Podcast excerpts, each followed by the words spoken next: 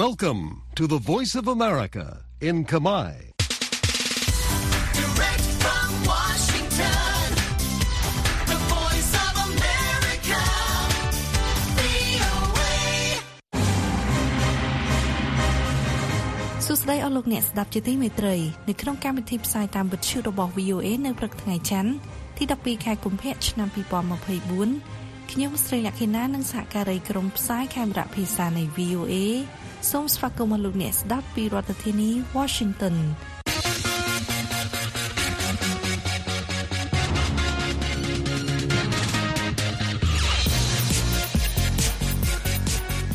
នៅក្នុងការផ្សាយរបស់ VOA ជាបន្តបន្ទាប់ទៅនេះយើងមានសេចក្តីរាយការណ៍អំពីសម្លេងគាំទ្រលោកប្រធានាធិបតីសហរដ្ឋអាមេរិក Joe Biden ធ្លាក់ចុះក្នុងការស្ទង់មតិដែលឆ្លុះបញ្ចាំងពីការព្រួយបារម្ភផ្នែកសេដ្ឋកិច្ចរបស់អ្នកបោះឆ្នោត ទីផ្សារពីហ៊ុនចិនធ្លាក់ចុះក្នុងពេល5ឆ្នាំកន្លងមកខណៈនាយកកសន្យាការពារក្រុមវិនិយោគិនតូចតាចនិងបទសម្ភាសន៍ VOA ជាមួយលោកយងកំឯងអំពីផលប៉ះពាល់នៃការផ្សព្វផ្សាយគ្រឿងស្រវឹងនៅក្នុងប្រទេសកម្ពុជាតទៅទីនេះសូមលោកអ្នកនាងស្ដាប់សេចក្តីរាយការណ៍និងបទសម្ភាសន៍នេះដូចតទៅ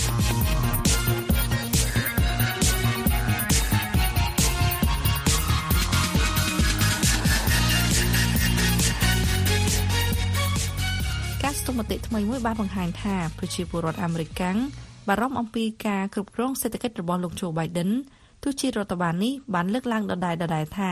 តួលេខសេដ្ឋកិច្ចវិជ្ជមានក៏ដោយការស្ទង់មតិនេះមានសម្លេងគាំទ្រលោក Biden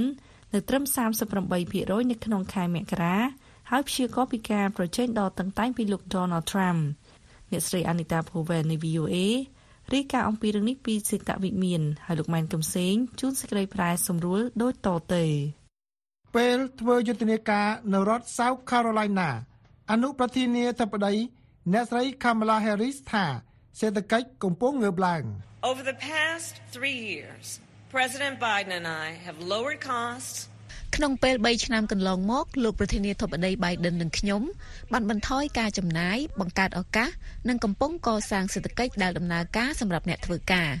យើងបានបង្កើតការងារថ្មីជាង14លាន5សែនបង្កើនប្រាក់ឈ្នួលសម្រាប់ប្រជាជនអាមេរិករាប់សិបលាននាក់សប្តាហ៍នេះទំនុកចិត្តរបស់អ្នកប្រើប្រាស់កើនឡើងហើយចំណាយរបស់គេច្រើនជាងពេលណាណាទាំងអស់ទោះជាយើងមានការងារច្រើនទៀតត្រូវធ្វើយើងនិយាយឲ្យច្បាស់ថាសេដ្ឋកិច្ចរបស់អាមេរិកនៅតែបន្តខ្លាំងបំផុតនៅក្នុងពិភពលោកលោក Jerome Powell ប្រធានធនាគារកណ្ដាលសហរដ្ឋអាមេរិកថ្លែងថា We feel like inflation is coming down. យើងមានអារម្មណ៍ថាអតិផរណាកំពុងធ្លាក់ចុះកំណើនរឹងមាំទីផ្សារការងាររឹងមាំអ្វីដែលយើងកំពុងព្យាយាមធ្វើគឺកំណត់កន្លែងដែលយើងពិតជាមានទំនុកចិត្តលើអតិផរណាដើម្បីទាញមកត្រឹម2%វិញ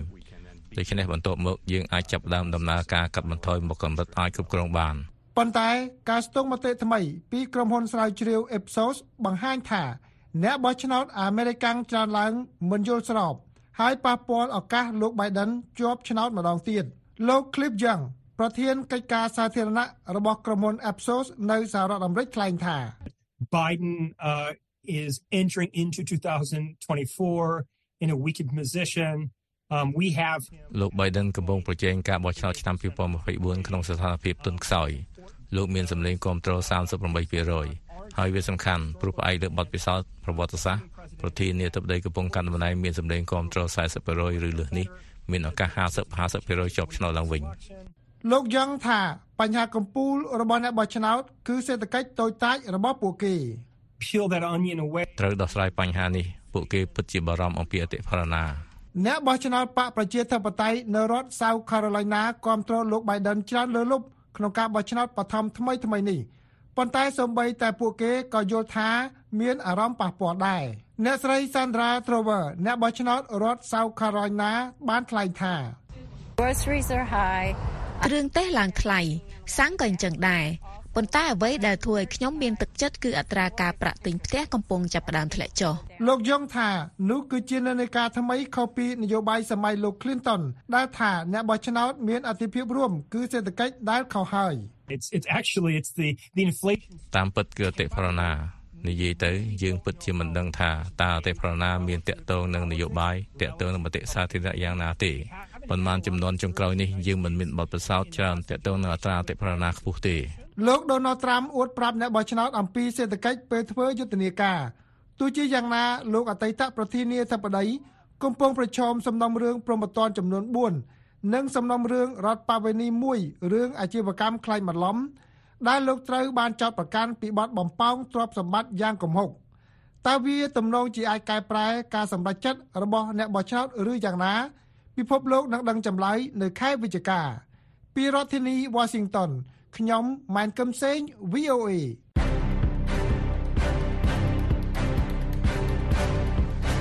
លោកអ្នកនាងកំពុងតែស្ដាប់កម្មវិធីផ្សាយរបស់ VOA ពីរដ្ឋធានី Washington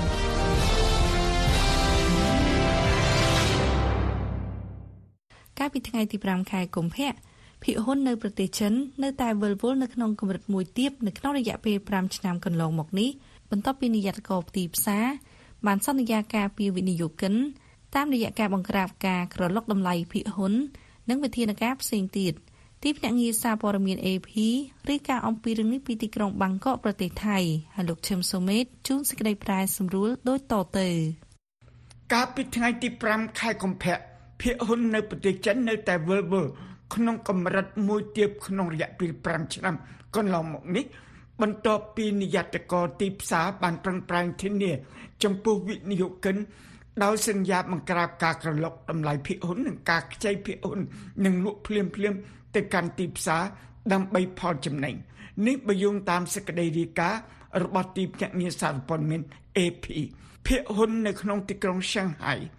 និងភាគហ៊ុនតូចតូចនៅក្នុងទីក្រុង Shenzhen ជិតទីក្រុងហុងកុងបានឡើងចុះរវាងការខាត់បងច្រើននិងការចំណេញតិចតួចនៅថ្ងៃនោះទីផ្សារភាគហ៊ុនចិនបានចុះខ្សោយដោយសារការលក់ភាគហ៊ុនអចលនទ្រព្យខ្លាំងក្លា ដែលករណីនេះធ្វើឲ្យមានការធ្លាក់ចុះនៅក្នុងទីផ្សារអចលនទ្រព្យប្រព័ន្ធផ្សព្វផ្សាយព័ត៌មានរបស់រដ្ឋរបស់ចិនបានរាយការណ៍ថាគណៈកម្មការនិយត្តកម្មមូលធនប័ណ្ណនៃប្រទេសចិន CSRC បានរៀបចំការប្រជុំមួយ កាលពីថ្ងៃទី4ខែកុម្ភៈដោយផ្ដោតលើការធ្វើឲ្យទីផ្សារភាគហ៊ុនមានស្ថិរភាពឡើងវិញសេចក្តីប្រកាសមួយរបស់គណៈកម្មការនេះដែលផ្សព្វផ្សាយនៅលើ website របស់ខ្លួន ហាក់ដូចជាធានាចំពោះវិនិយោគិនម្នាក់ៗឲ្យមានទំនុកចិត្តភាគហ៊ុនរបស់វិនិយោគិនទាំងនេះ មានចំនួនជាងពាក់កណ្ដាលនៃបរិមាណនៃការជួញដូរ ភាគហ៊ុនគណៈកម្មការនេះបានសន្យាបង្ក្រាបដោយដាក់ទណ្ឌកម្មធ្ងន់ធ្ងរសម្រាប់ការជួញដូរភាគហ៊ុនផ្ទៃក្នុង និងការរំលោភបំពានផ្សេងទៀត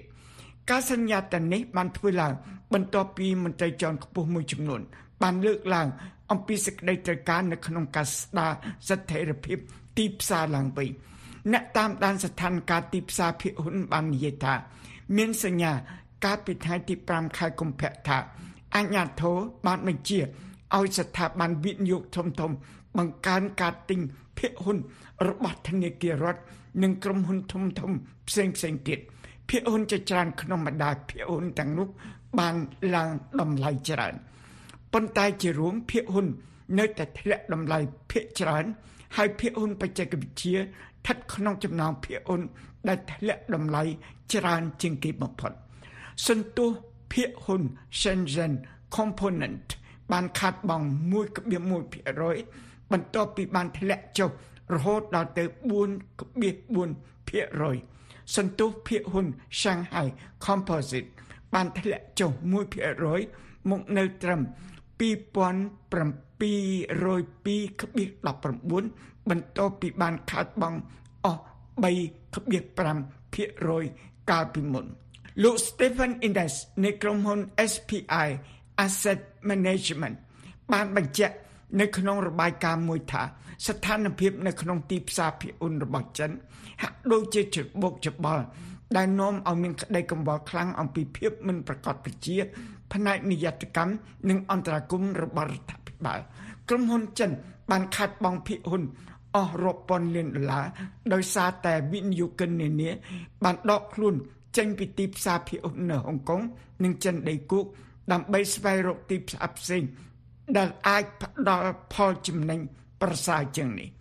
សន្ទុះភាគហ៊ុន Nikkei 225របស់ប្រទេសជប៉ុន បានឡើងថ្លៃនៅក្នុងទីផ្សារជួញដូរភាគហ៊ុនអស់រយៈពេលជិត35ឆ្នាំកន្លងមកនេះបើទោះបីជាមួយផ្នែកគឺដោយសារតែការផ្លាស់ប្ដូរនៅក្នុងបទបញ្ញត្តិ វិនិយោគដែលតេទៀងហិរញ្ញវត្ថុឲ្យហូរចូលក្នុងទីផ្សារក៏ដោយក្រៅពីវិបត្តិក្នុងទីផ្សារអចលនទ្រព្យចិន ដែលក្រុមហ៊ុនអចលនទ្រព្យនានាប្រឹងប្រែងយ៉ាងត្រដាប់ត្រដួសដើម្បីឲ្យបញ្ជីចំណូលចំណាយរបស់ខ្លួនបានប្រសើរឡើង បន្ទាប់ពីរដ្ឋាភិបាលបានបង្ក្រាបលើការខ្ចីប្រាក់ច្រើនហួសកម្រិតកាលពីប្រមាណឆ្នាំមុនមក ដំណើរយឺតយ៉ាវនៃសេដ្ឋកិច្ចចិន ដែលជាសេដ្ឋកិច្ចធំជាងគេបង្អស់ទី2នៅលើពិភពលោកបាននាំឲ្យមានផលវិបាកធ្ងន់ធ្ងរភាពសពេចសពើតាក់ទិននិងភាពតានតឹងរបស់ចិនជាមួយសហរដ្ឋអាមេរិកក៏មិនបានជួយអ្វីដែរអតីតប្រធានាធិបតីអាមេរិកលោក Donald Trump បានគម្រាមយកពន្ធ60%លើទំនិញនាំចូលពីចិននៅចំពេលដែលសហរដ្ឋអាមេរិកកំពុងរារាំងមិនឲ្យចិនមានលទ្ធភាពទទួលបានបន្ទះ chip computer ទំនើបនិងបច្ចេកវិទ្យារសើបផ្នែកយុទ្ធសាស្ត្រផ្សេងទៀតកាលពីឆ្នាំ2018លោក Trump បានចាប់ផ្ដើមសង្គ្រាមពាណិជ្ជកម្មដោយដំឡើងពន្ធខ្លាំងក្លាលើទំនិញនាំចូលពីប្រទេសចិនចិនបានសងសឹកត្រឡប់ទៅវិញដោយការយកពន្ធលើទំនិញដែលនាំចូលមកពីសហរដ្ឋអាមេរិកការយកពន្ធទៅវិញទៅមករវាងប្រទេសទាំងពីរនេះ នៅតែមានរហូតមកដល់សពថ្ងៃនេះ ពីរដ្ឋធានី Washington ខ្ញុំឈឹមសុមេត VOA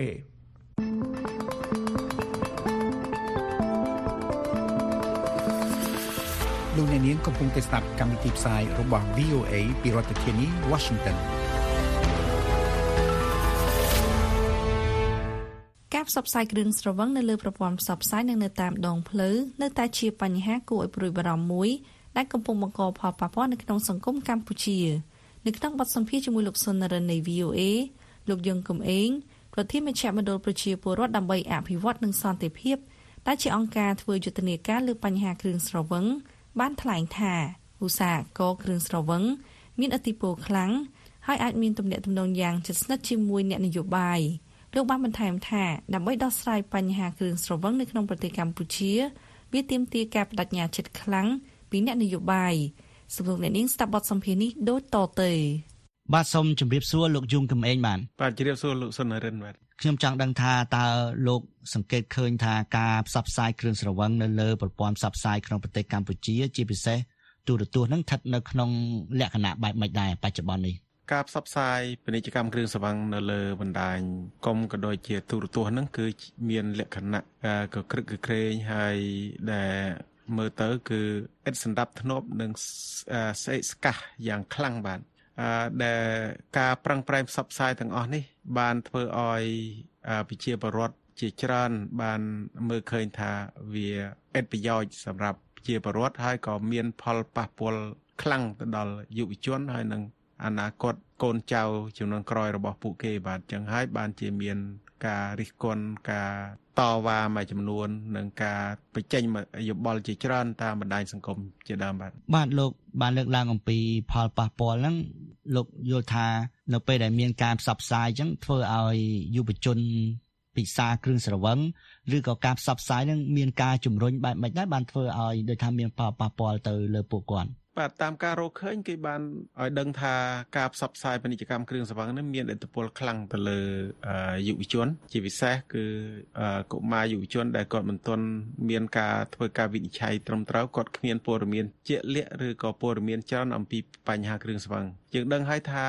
រូបភាពនៃការផ្សាយពាណិជ្ជកម្មគ្រឿងសង្វឹងបានបង្ហាញអំពីភាពវិជ្ជមានខ្លាំងសម្រាប់សុខភាពសម្រាប់ភាពមុំមួនសម្រាប់ភាពឆ្លាតវៃអីជាដើមបាទប៉ុន្តែផ្ទុយទៅវិញគ្រឿងសង្វឹងបានបំផ្លាញភាពឆ្លាតវៃបានបំផ្លាញទៅដល់កម្លាំងកាយឬក៏ភាពមុំមួនរបស់ពួកគេ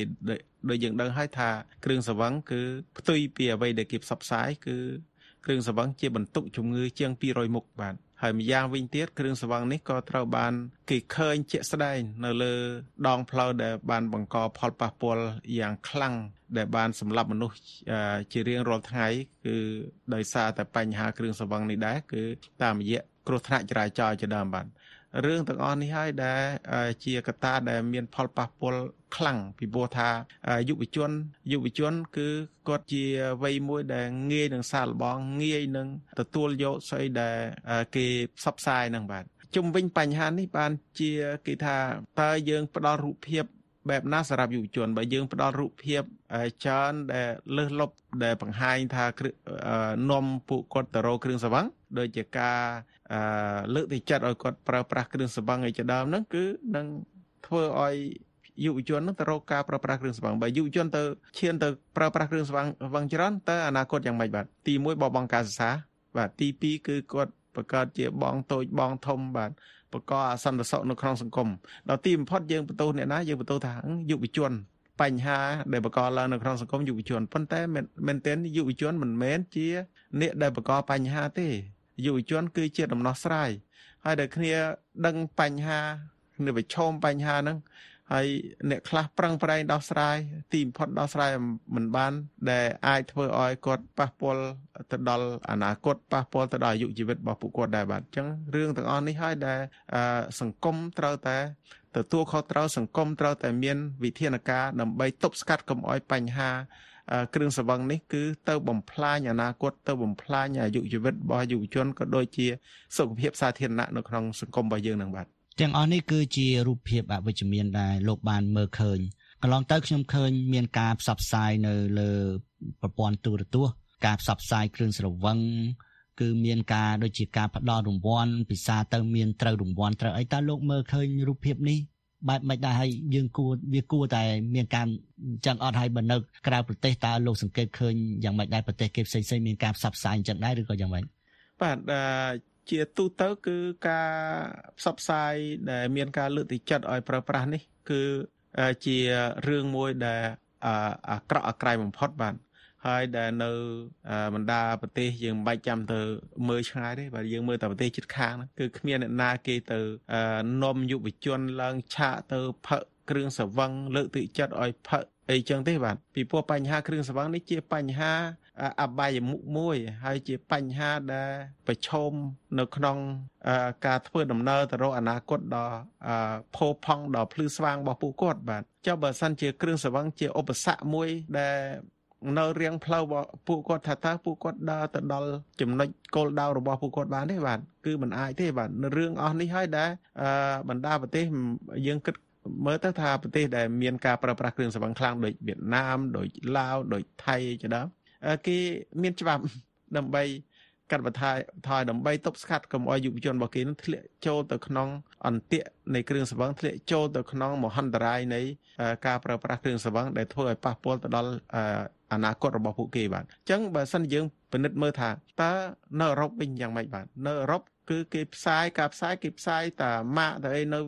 នៅថៃនៅអីក៏ដូចគ្នាដែរការផ្សាយឃើញយើងឃើញតាម៉ាកអីខ្លះខ្លះទេបាទយើងអត់ឃើញទៅការលើកទឹកចិត្តឲ្យប្រើប្រាស់យ៉ាងទេបាទហើយមួយវិញទៀតដូចយើងមើលបើសិនយើងទៅអាមេរិកទៅអីយើងថាប្រហែលជាពួកនឹងដើរផឹកដើរអីយើងមិនได้ឃើញថាពួកនឹងមួយចំនួនមកផឹកមកអីនៅស្រុកខ្មែរតាមមាត់សមុទ្រអីនៅស្រុកគេហ្នឹងបើសិនណានៅតាមមាត់សមុទ្រនៅក្នុងរដ្ឋខ្លះហ្នឹងគឺគេអត់ឲ្យ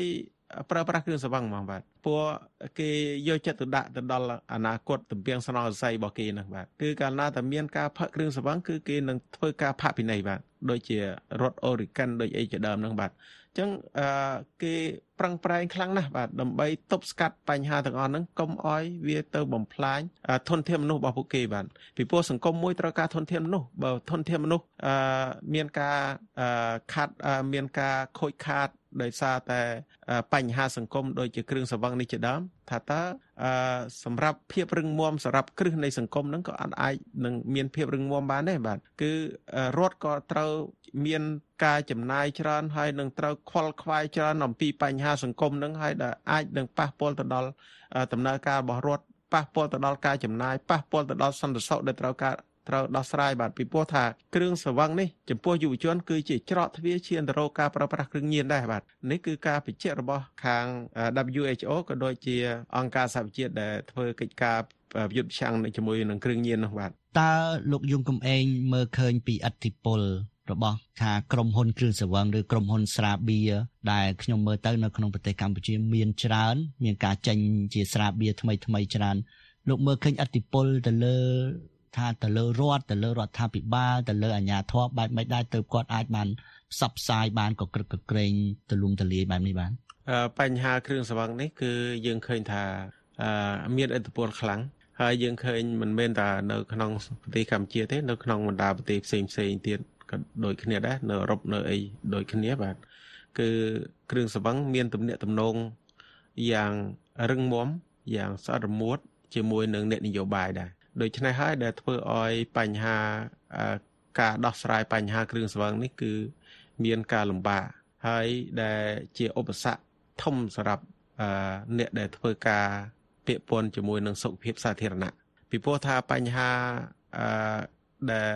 អឺដោះស្រាយបញ្ហានេះ គឺលុះត្រាតែមាន ការបដិញ្ញាចិត្តខាងនយោបាយនឹងខ្លាំងដែរបាទដើម្បីអឺធ្វើឲ្យអឺបញ្ហាគ្រឿងសង្វឹងនេះអាចនឹងអឺ ថយចុះហើយក៏អឺធ្វើឲ្យអឺឧស្សាហកម្មគ្រឿងសង្វឹងនឹងអាចបន្ថយល្បឿនរបស់ពួកគេបាទកុំឲ្យពួកគេធ្វើអីសាច់តែចិត្តដែលធ្វើឲ្យប៉ះពាល់ទៅដល់សង្គមនោះបាទអញ្ចឹង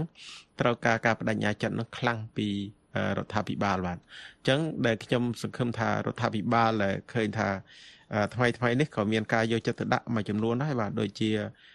ការឲ្យការ ដោយក្រសួងព័ត៌មានអីមាន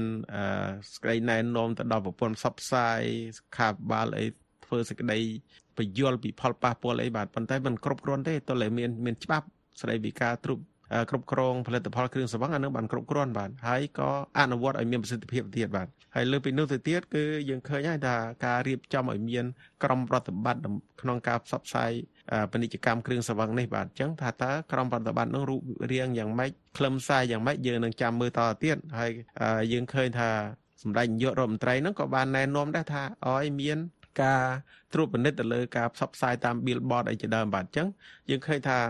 អហទំនោរខាងនយោបាយហ្នឹងបានមើលឃើញ អំពីផលប៉ះពាល់នៃគ្រឿងសង្វឹងហ្នឹងថាវាជាមហន្តរាយវាជាផលប៉ះពាល់វាជាឧបសគ្គសម្រាប់ការអភិវឌ្ឍសង្គមការអភិវឌ្ឍជាតិបាទអញ្ចឹងខ្ញុំថាបើសិនជាមើលឃើញដូច្នេះហើយគឺខ្ញុំសង្ឃឹមថាវាអាចជាច្រកផ្លូវមួយផ្លូវមួយអាចទៅឈានទៅរកការអនុម័តច្បាប់នោះឲ្យបានលឿនបាទឲ្យបានឆាប់ដើម្បីដោះស្រាយបញ្ហាសង្គមដែលកើតឡើងបច្ចុប្បន្ននេះ សក្តីព្រាច្បាប់ស្តីពីការគ្រប់គ្រងស្រឹកគ្រឿងសង្វឹងហ្នឹងខ្ញុំបានដឹងថាជាប់គាំងជិត10ឆ្នាំមកហើយកន្លងទៅអតីតរដ្ឋមន្ត្រីក្រសួងសុខាភិបាលលោកមុំមិនហេងក៏ធ្លាប់បានលើកឡើងថាបានបញ្ចប់ហើយក្រុងនឹងបញ្ជូនឆាប់ឆាប់ដល់ពេលឆាប់ឆាប់ក្នុងរយៈពេល10ឆ្នាំហើយលោកមើលឃើញអីជាបញ្ហាធ្វើឲ្យជាប់គាំងនេះខ្ញុំថាការជប់គៀងនេះគឺដោយសារតែដោយលោកនរិនបានលើកឡើងពីបញ្ហាអធិពលនៃ ឧស្សាហកម្មគ្រឿងសង្វឹងខាងដើមអញ្ចឹងបាទគឺដោយសារថាឧស្សាហកម្មគ្រឿងសង្វឹងនឹងមានឥទ្ធិពលខ្លាំងបាទហើយអាចនឹងមានអាចនឹងមានតំណែងតំណងខ្លាំងជាមួយនឹងអ្នកនយោបាយដែលធ្វើឲ្យច្បាប់នេះត្រូវនៅត្រឹងបាទស្អីព្រៀងច្បាប់នេះបាទហើយដែលទន្ទឹម គ្នានោះយើងឃើញថាឧស្សាហកម្មគ្រឿងសង្វឹងក៏បានបាន control នៅក្នុងការផ្សាយពាណិជ្ជកម្មគ្រប់រូបភាពយើងឃើញតាំងពីការហែក្បួនហែអីជាដើមបាទទាំងអស់ហ្នឹងគឺជារូបភាពដ៏អាក្រក់អាក្រៃហើយការដែលច្បាប់នេះมันអាចរុញទៅមុខបានខ្ញុំឃើញថាវាជាការពិតណាស់នឹងមានឥទ្ធិពលខ្លាំងពីឧស្សាហកម្មគ្រឿងសង្វឹងនេះបាទចុះលោកមើលឃើញអំពីការផ្សព្វផ្សាយ គ្រឿងស្រវឹងនៅលើដងផ្លូវឬក៏ពីការដែលអាជ្ញាធរទទួលគ្រឿងស្រវឹងពីក្រុមហ៊ុនមានការបង្ហោះលើបណ្ដាញសង្គមលោកឃើញផលប៉ះពាល់យ៉ាងម៉េចដែរខុសពីការប៉ះ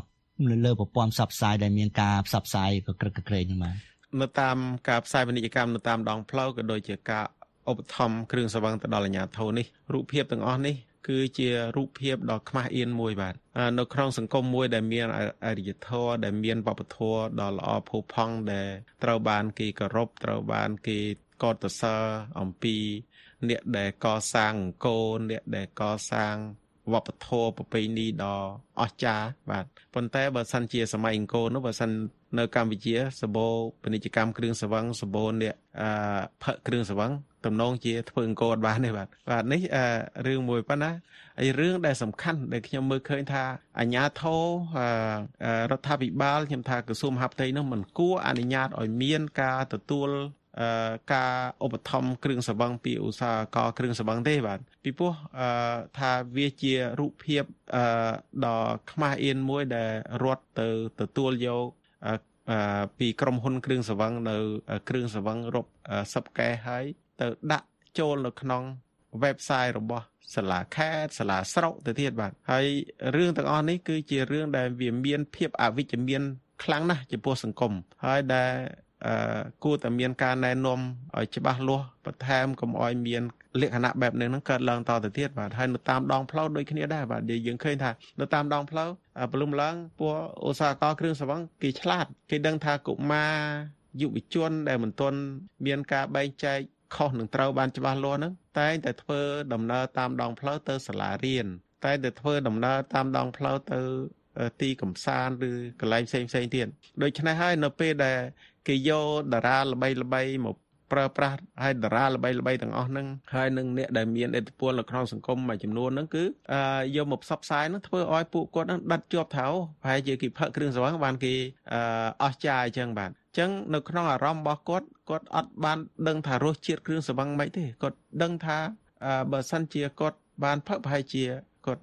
អស្ចារ្យប្រហែលជាវាជារបស់ដ៏ពិសេសអីចឹងបាទ ចឹងហើយដែលធ្វើឲ្យដក់នៅក្នុងចិត្តរបស់គាត់បាទចឹងរូបភាពនៅក្នុងសង្គមហ្នឹងគឺអឺរូបភាពល្អរូបភាពអាក្រក់បាទគឺគេមានការប្រយ័ត្នប្រយែងធ្វើម៉េចគេដាក់នៅក្នុងសង្គមហ្នឹងនៅរូបភាពល្អៗឲ្យច្រើនកុំឲ្យដាក់រូបភាពអវិជ្ជមានដែលធ្វើឲ្យប៉ះពាល់ដែលមានឥទ្ធិពលទៅដល់ការគិតរបស់យុវជនហ្នឹងបាទនេះជារឿងមួយសំខាន់ណាស់បាទកន្លងទៅខ្ញុំបានដឹងថាអង្គការរបស់លោកក៏បាន ធ្វើយុទ្ធនាការមួយចង់ឲ្យមានការដំឡើងពន្ធគ្រឿងសង្វឹងឬពន្ធស្រាបៀរហ្នឹងយើងបានដឹងថាប្រជាជនកម្ពុជាបានពិសាគ្រឿងសង្វឹងច្រើនថាតើការដំឡើងពន្ធនេះមានមានផលប្រយោជន៍ទេ បាទមានការរកឃើញថាវិធានការដែលមានប្រសិទ្ធភាពហ្នឹងគឺ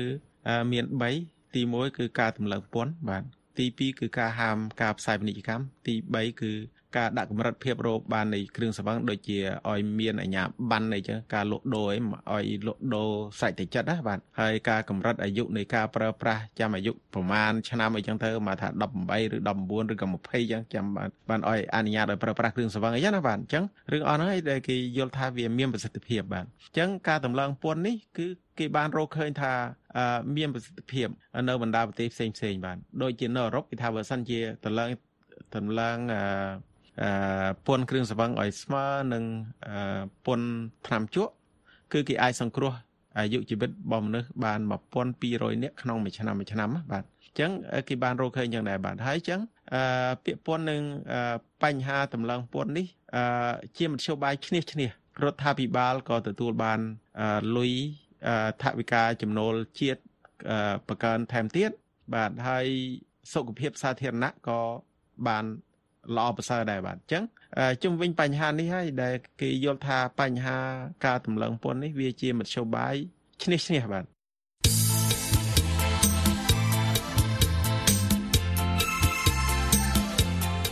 លោកអ្នកស្ដាប់ជាទីមេត្រីនៅក្នុងកម្មវិធីផ្សាយរបស់ VOA នៅរាត្រីនេះពីម៉ោង8:30នាទីដល់ម៉ោង9:30នាទីសូមលោកអ្នករងចាំស្ដាប់ព័ត៌មានថ្មីៗពីជុំវិញពិភពលោកនិងកម្មវិធី Hello VOA នៅរាត្រីនេះ យើងខ្ញុំអញ្ជើញកញ្ញាសុខាច័ន្ទសុជាតាសមាជិកគណៈកម្មការរៀបចំវេទិកាអភិបាលកិច្ចអ៊ីនធឺណិតយុវជនកម្ពុជាជាវិក្មិនកញ្ញានឹងពិភាក្សាប្រធានបទអំពីយុវតីកម្ពុជា និងបច្ចេកវិទ្យា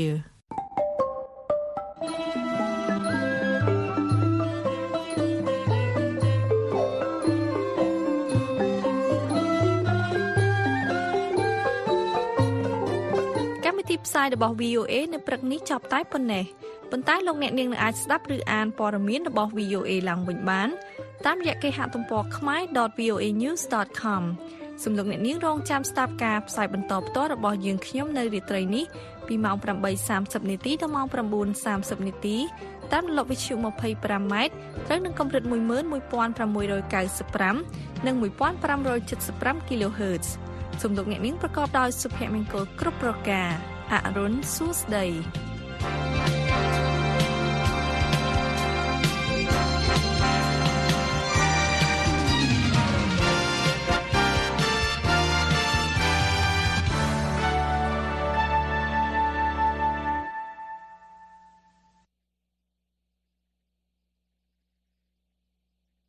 This program has come to you from the Voice of America, Washington.